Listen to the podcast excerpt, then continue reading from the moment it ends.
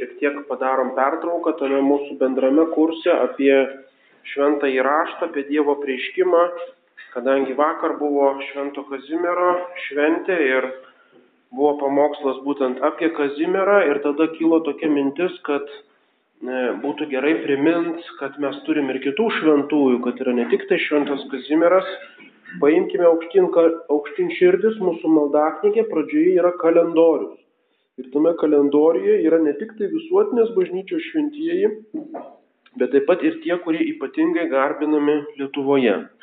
Taigi visuotinėje bažnyčioje yra Šventas Kazimieras trečios klasės šventė.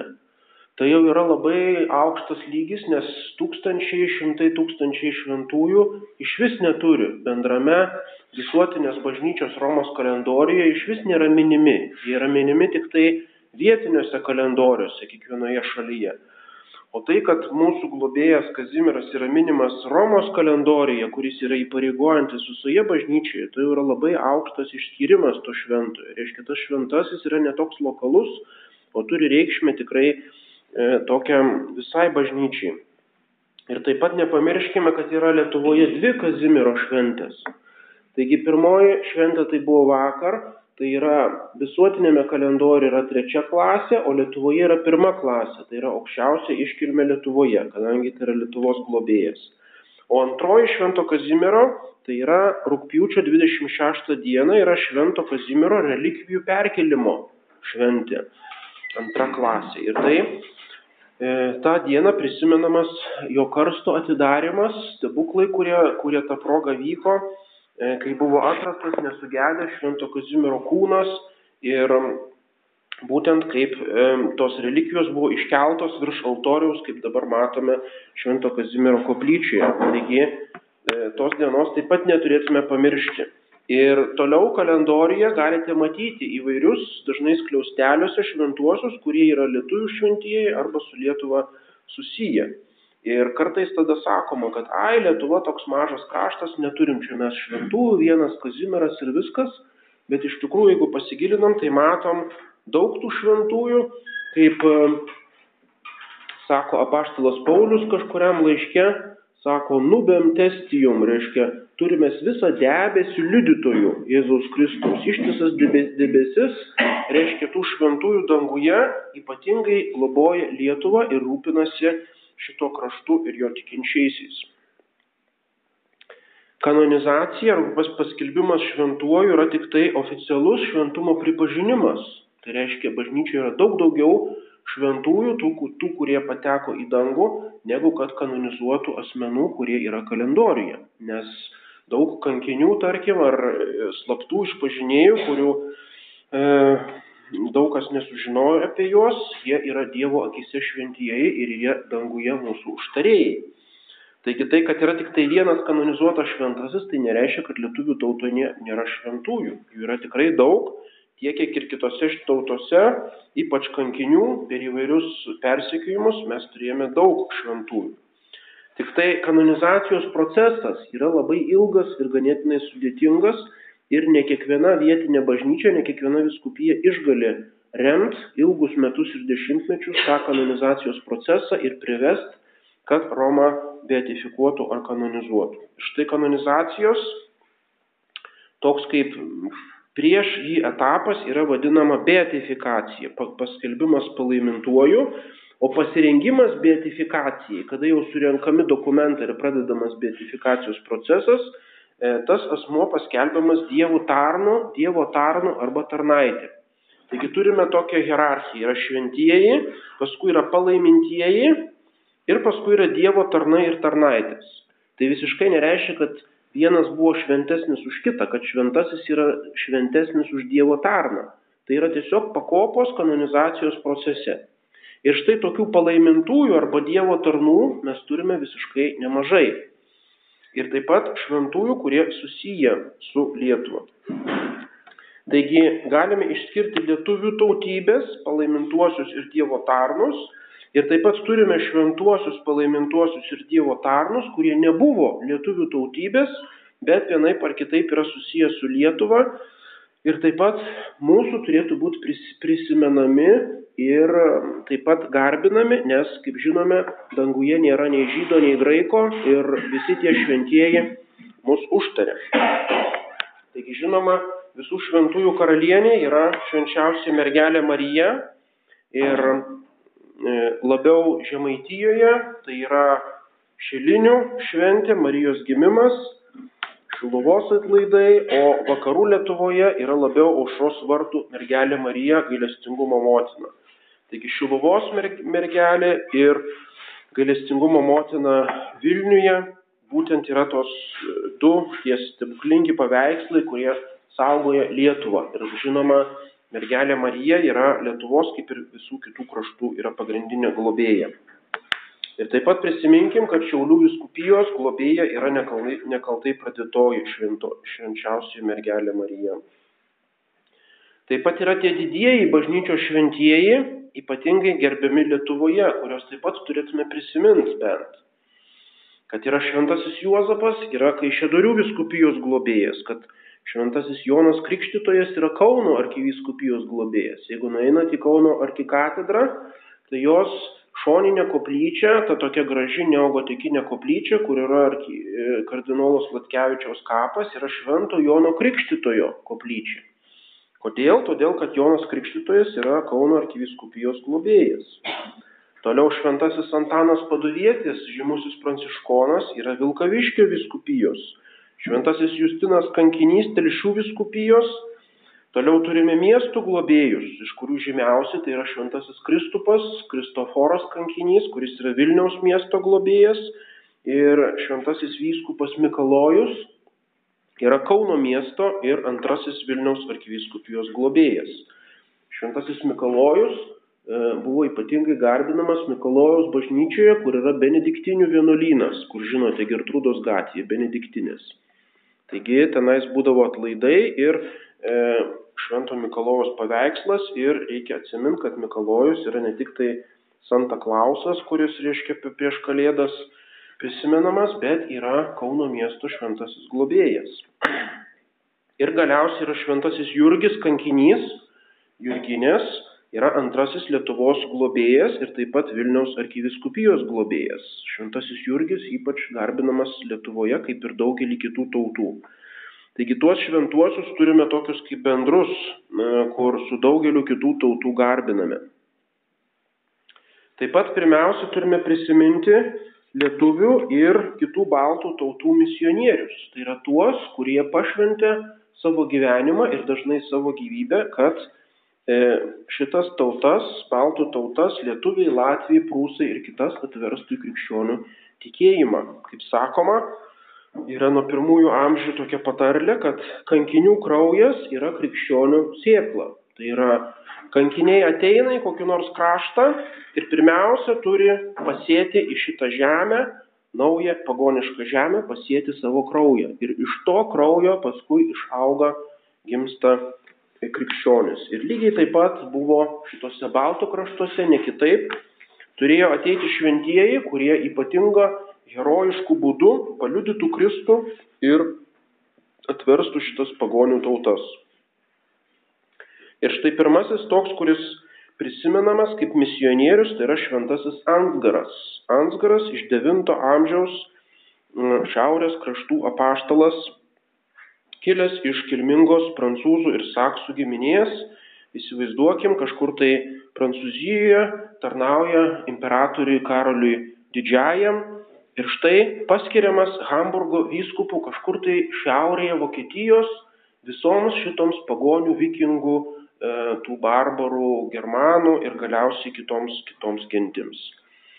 Ir štai yra duomenų, kad būtent Ansgaras 9 amžiuje buvo pasiekęs, galbūt jisai, o galbūt jo, jo kunigai buvo pasiekę taip pat ir Baltų žemės, tai yra Kuršių žemės. Buvo toksai Rimbertas, jo mokinys, kuris parašė Ansgaro gyvenimą, šventojo Ansgaro gyvenimą. Ir tame gyvenime skaitome apie chorį, latiniškai chorį, tai reiškia kuršiai. Kuršiai, kurie gyveno vakarų Latvijoje ir vakarų Žemaitijoje. Ir štai pas tuos kuršius atkeliavo vikingai iš Švedijos ir įvyko žymusis apuolės mūšis, kur kuršiai nugalėjo vikingus, išvyjo, e, bet e, buvo patys labai išsekinti ir galiausiai turėjo pasirašyti tokią taikos sutartį, kad pasiduoda švedų tokiai vadovybei. Ir štai yra duomenų, kai kurie istorikai sako, kad net pats Ansgaras galėjo tame žygyje dalyvauti ir bandyti krikštyti kuršius, Žinoma, e, iš to teksto Rimberto nėra tas aišku ir kiti istorikai šitą abejoja. Bet vis dėlto tikrai kuršiai tada buvo žinomi, jie prekiavo ir bendravo ir su danais, ir su švedais, ir tie krikščionių misionieriai iš Ansgaro misijos tikrai galėjo kuršius pasiekti. Taigi matome, kad pirmieji apie Kristų išgirdo šitie vakariniai prie jūros baltai jau 9 amžiuje. Toliau turime šventąjį Vaitiekų. Tai yra čekas, aristokratas iš slavnikų giminės, čekų aristokratų ir jo vardas buvo Vojčiach, Vojtech, o pakrikštytas vardas buvo Adalbertas. Adalbertas Vaitiekus jau dešimtame amžiuje, kitame amžiuje ir jisai dirbo Čekijoje, dirbo Lenkijoje, e, turi milžiniškus nuopelnus šitų slavų tautų misijoje ir yra vienas pagrindinių Lenkijos šventųjų globėjų. Ir štai jam neužteko to milžiniško misijų lauko ir jisai dar norėjo nuvykti ir pas prūsus, baltų prūsų gentis.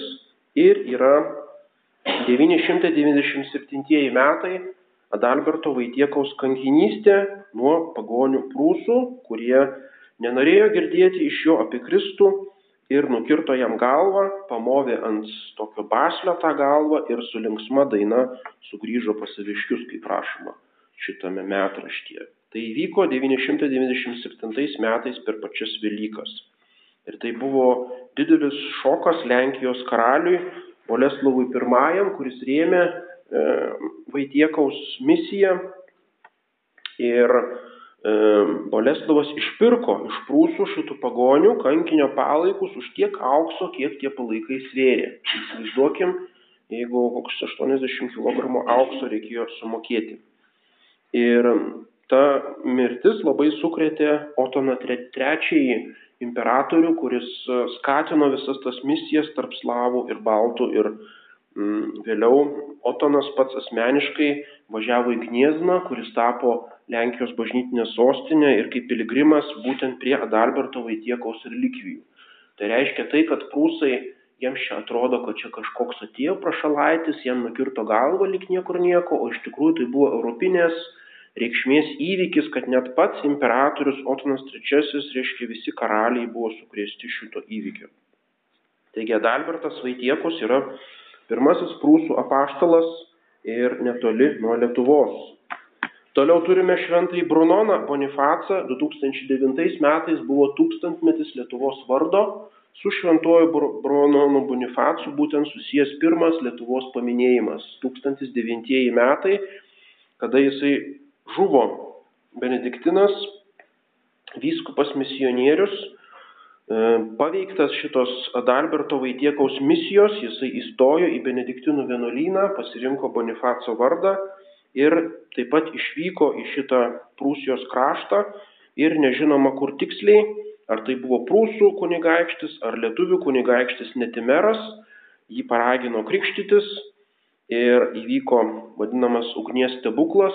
E, visas tas freskas apie Bonifacą Brunoną galime pažiūrėti pažaislyje, yra freskos bažnyčioje, kur visa ta istorija Bonifaco pavaizduota, kaip netimeras sukrestas to stebuklo pasikrikštijo, bet kiti lietuviai nenorėjo krikštytis ir 1009 metais nužudė Brunoną Bonifacą.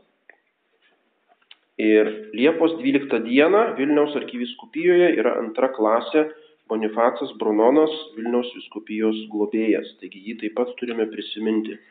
Dabar yra būtent tais 2009 metais labai daug išleista apie jį knygų yra. Toliau yra šventasis Meinhardas. Meinhardas tai yra lyvių, e, tokių finų genties, kuri gyveno dabartinės e, Rygos teritorijoje, o vėliau e, baltų genčių, Latvių, žiemgalių, sėlių ir taip toliau apaštalas Meinhardas.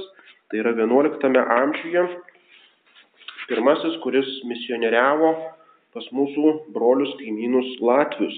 Ir jisai pastatė savo bažnyčią tokioje pusęsalyje arba saloje Dauguvos upėje, netoli Rygos.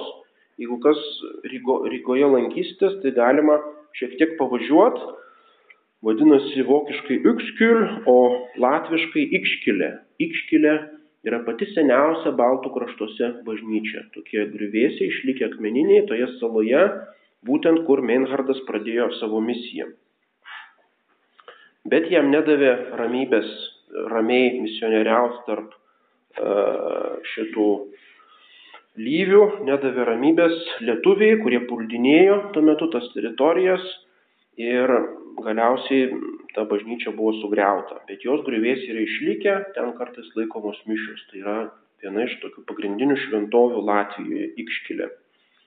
Ir jo padėjėjas yra šventasis Bertoldas iš Hanoverio, cistersas vienuolis, taip pat Latvijos šventasis globėjas ir su mumis bendradarbiaujantis iš Latvijos tikintieji pastatė Švento Bertoldo centrą. Yra Rygoje, tai reiškia brolyjos centras Rygoje vadinasi Švento Bertoldo centras. Ir galiausiai turime tokį kuri, šventai, kuris yra visiškai Lietuvoje ignoruojamas ir užmirštas, tai yra palaimintasis Vitas, pirmasis Lietuvos vyskupas, išpažinėjas, apie kurį nieks nėra girdėjęs ir jis niekur neminimas, nors Lenkijoje jis yra žinomas.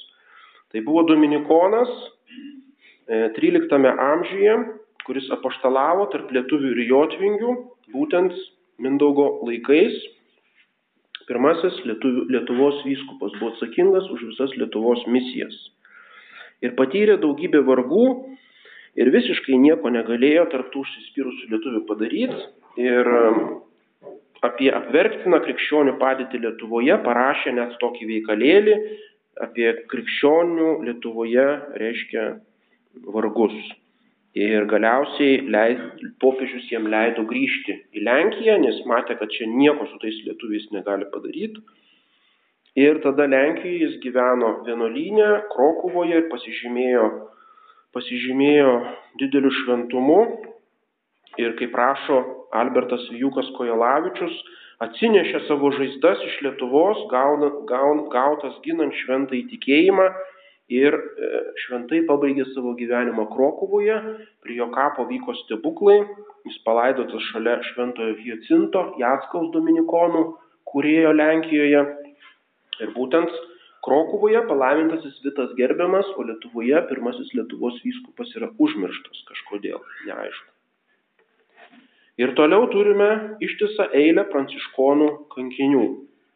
Taigi matome pirmieji, tai buvo cistersai, cistersai, Brunonas, benediktinai, paskui buvo Vitas, kuris buvo Dominikonas, o paskui buvo ištisa eilė šventųjų kankinių pranciškonų, e, kurie yra tokia viena grupė, tai yra 14 šventųjų pranciškonų, kurie mm, Vilniuje buvo nukankinti pagonių Septynis nukirzdino Vilniaus aikštėje, o kitus septynis atvilko ant kalno, vadinamo plikuoju, ir nukryžiavę kartu su kryžiais nustūmė stačių šlaitų į apačioje tekančią Vilnelę.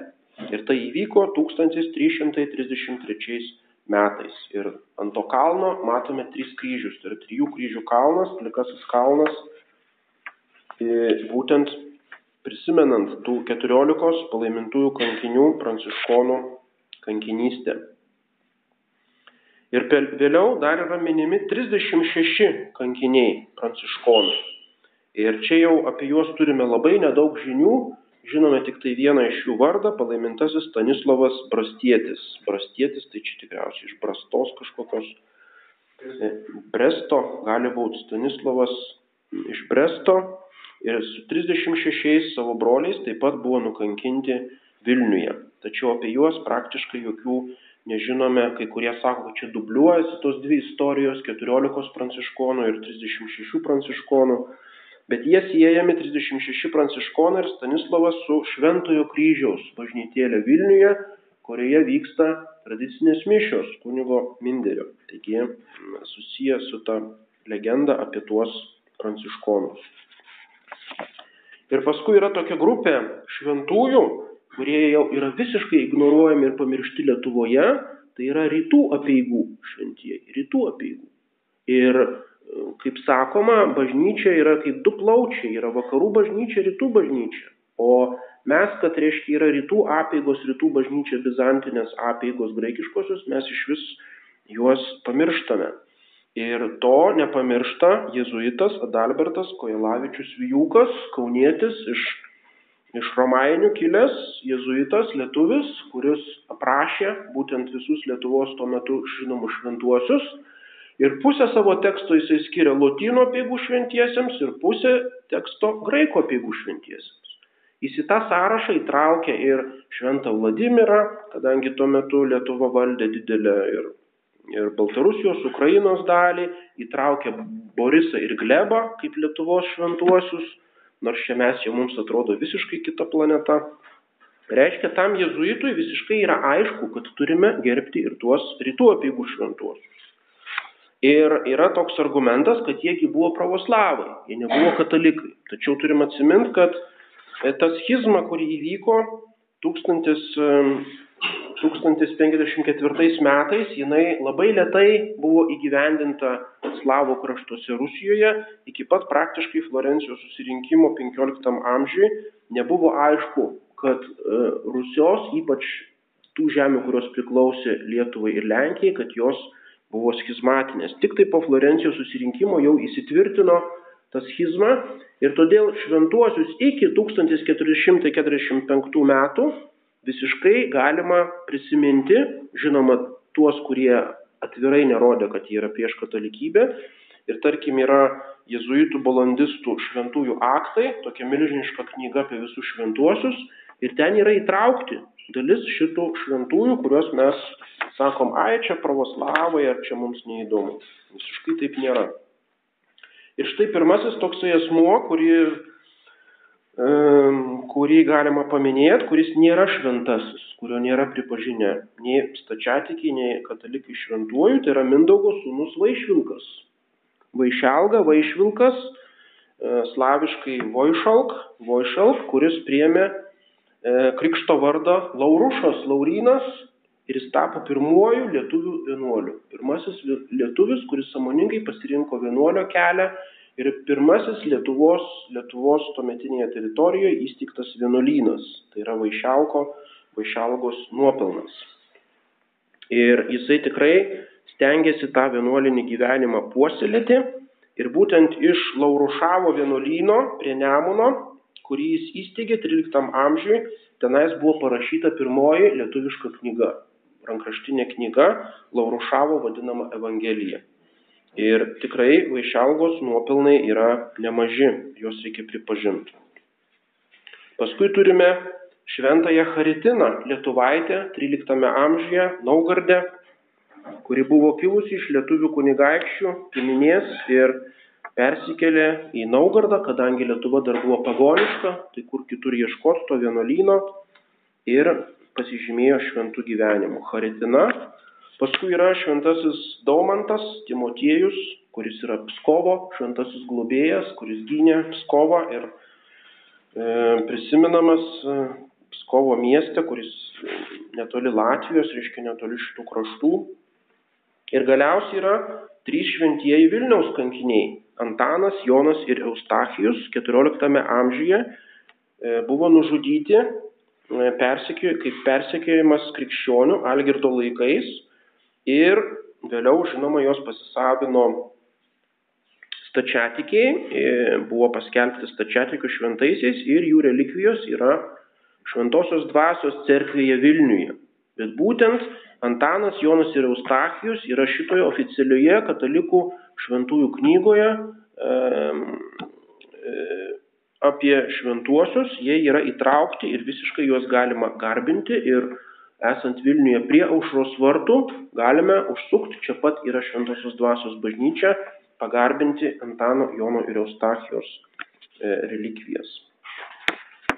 Toliau yra šventoji Prakseda arba Paraskevija, Polotsko kunigaikštystė, Naugarduko kunigaikščio Erdvilo palikuonė. Toliau yra palaimintasis Eliziejus Laurušavo abatas iš Lietuvos, kai kurie sako, kad jis buvo Traidenio sūnus Eliziejus. Ir galiausiai turime Jozapatą, šventą Jozapatą Kuncevičių, e, kai leidžiamės nuo aušros vartų, vienoje pusėje yra šventosios dvasios bažnyčia, kur yra tie trys šventieji, o kitoje pusėje yra bazilijonų bažnyčia vienuolynas ir tenais e, kelis metus ar kažkiek metų gyveno šventasis Jozapatas, kuris nėra lietuvis, kuris e, iš Rusienų kilęs, tačiau jis dirbo Vilniuje švenčiausios trybės vienuolynė ir gynė uniją su katalikų bažnyčia ir galiausiai tapo archimandritu, tai yra viršininku to švenčiausios trybės vienuolyno ir virš vartų įėjimo į tą vienuolyną rodomas net tokia celė, langelis, kur gyveno šventasis Jozapatas. Ir vėliau jisai buvo paskirtas Polotsko arkivyskupu, Polotskas tada irgi priklausė Lietuvai ir misionieriavo, skatino visus tačiatikius dabartiniai Baltarusijoje priimti uniją, priimti vienybę su katalikų bažnyčia. Ir štai jam pasirodus Vitebske, kitame mieste Baltarusijos, bandant skelbti šitą uniją, jisai buvo žiauriai nužudytas. Ir Josapatas Kuncevičius yra pirmasis rytų apieigų šventasis katalikų bažnyčių. Tai yra, iki Jozapato nebuvo nei vienas Romos kanonizuotas. Reiškia, Roma pripažindavo jau esančius senus šventuosius rytų, bet kad formaliai Roma kanonizuotų, tai Jozapatas buvo pats pirmasis rytų apieigų kanonizuotas šventasis. Ir jo relikvijos, jeigu neklystų, yra Romoje Švento Petro bazilikoje. Taigi Jozapatą tikrai turime prisiminti, didis Vilniaus šventasis. Toliau turime senuosius Lietuvos palaimintuosius lietuvius, kurie nepasiekė šito laipsnio kanonizacijos, bet jie yra palaimintieji. Juos taip pat turime prisiminti ir garbinti. Pirmiausia, tai yra palaimintasis Mykolas Gedraitis, Lietuvos kunigaikščių Gedraičių giminės atžala, kuris nuo vaikystės buvo luošas, vaikščiojo su ramentais ir įstojo į atgailos regulinių kanauninkų vienuolyną Pistryčioje, dabartinėje Baltarusijoje. Atgailos reguliniai kanauninkai tai buvo tas ordinas, kryžiuočių ordinas, kuriam priklausė ir Mykolas Olševskis, kurio knyga yra išleista Broma atvirta ingviečnosti. Taigi Olševskis ir Mykolas Gedraitis priklausė tai pačiai vienuolyjai. Ir vėliau Gedraitis gyveno visą laiką Krokuvoje, prie Švento Morkaus bažnyčios, dirbo zakristijonu paprastu, garsėjo savo nuolankumu, griežtų apsimarinimu ir visą laiką melsdavosi į nukryžiuotąjį, stebuklingas yra nukryžiuotasis toje bažnyčioje ir išgarsėjo stebuklais, jo laidotuvių metu išgyjo daugybę ligonių, toks tapo Krokovo stebukladariu. Ir po šimto metų atidarius jo karstą, jo palaikai liko nesuirę. Taigi, palaimintasis Mykolas Gedraitis yra žymus šventasis. Toliau yra keletas E, šventųjų, kurie žinoma dabar yra visiškai užmiršti, ignoruojami ir sakoma, kad čia visiškas antisemitizmas ir draudžiama net minėti juos. Tai yra palaimintoji Elsbieta mergelė ir palaimintasis Simonas Kerelis. E, du vaikai, kurie, kaip rodo visi dokumentai ir kaip priima tiek Skarga, didysis šventųjų rašytojas, tiek Vijukas Kojelavičius, abu du rašo be jokių abejonių ir pateikia daugybę liudijimų, kad jie buvo žydų nužudyti kaip ritualinės aukos. E, palaimintoji Elsbieta, lietuvių kilmės iš ponios miesto, septyniarių metų mergaitė. Ponios mieste iš nepykantos krikščionių tikėjimui buvo nužudyta žydo Joachimo Smerlovičiaus, pritarint kitiems žydams. Palaimintas Simonas Kerelis, jo e, kapą galime matyti kur yra aušro šitą Šventos Onos bažnyčia, už jos yra Bernardino, Bernardino bažnyčia Vilniuje. Ir toje Bernardino bažnyčioje sienoje yra įmūrytas e, relikvijos Švento Simono kerelio ir užrašytas Simonas kerelis, kuris septyniarių metų berniukas 1592 metais buvo žydų nepaprastai žiauriai užbadytas peiliais ir žirklėmis. Jam buvo padaryta 170 žaizdų kankintas varant rakštis po rankų ir kojų nagais, palaidotas Vilniuje Bernardinų bažnyčiuje. Ir lygi šiol jo kapas yra matomas. Ir buvo bandoma, reiškia, tiek punioje, tiek Vilniuje tą kultą vystyti, bet jis paskui kažkaip neišsivystė ir galiausiai visi užmiršo tiek Elsbietą, tiek Simoną. Ir iš tų senųjų laikų dar turime Dievo tarnaitę, kuri dar nėra palaimintoji, bet yra Dievo tarnaitė, yra jos beatifikacijos procesas. Tai yra Barbora Umestauskaitė Žagarietė. 17 amžius iš Žagarės žymioji šventoji. Gimė Žagarija, bajoro Umestausko dvare, buvo vienintelis vaikas ir vaikystėje buvo persekiojama buvo visaip varginama giminaičių, bet motina buvo pamaldi, sugebėjo įdėkti dukrą į pamaldumą ir buvo įstojusi Barbora į Benediktinių vienuolyną Rygoje, bet dėl motinos ankstyvos mirties netrukus sugrįžo namo, taigi vienuoliškas gyvenimas nepavyko. E, rūpinosi visais, kam tik reikėjo pagalbos, lankydavo ligonius žagarėje, užtardavo baudžiauninkus, kurie E, gyven, e, reiškia, dirbo tėvų dvare, vargšams atiduodavo maistą ir taip toliau. Ir tėvas antrą kartą vedė, gyveno su pamotė ir patyrė mm, visokiausių persekiojimų ir galiausiai buvo bandymas ją išprivartauti.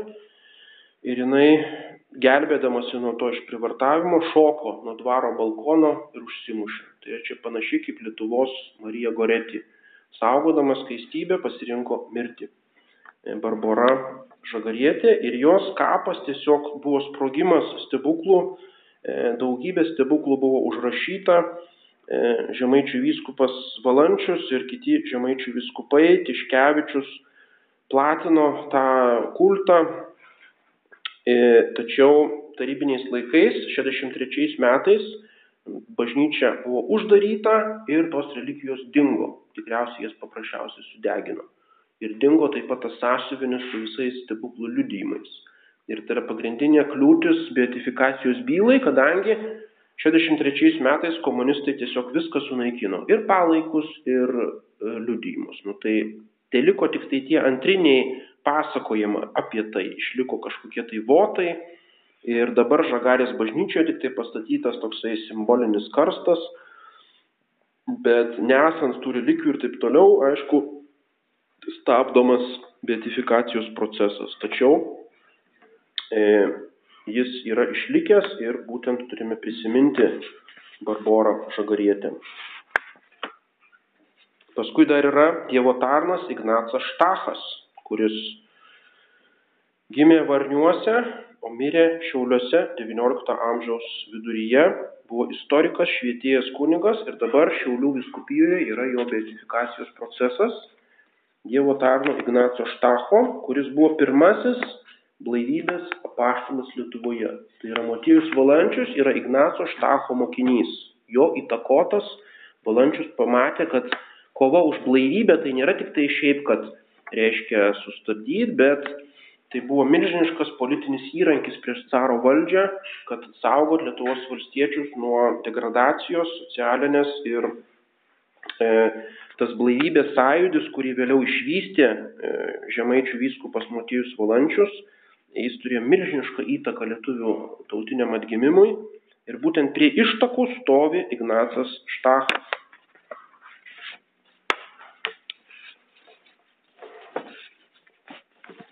Tai tesinys apie kitus bus kitą sekmadienį.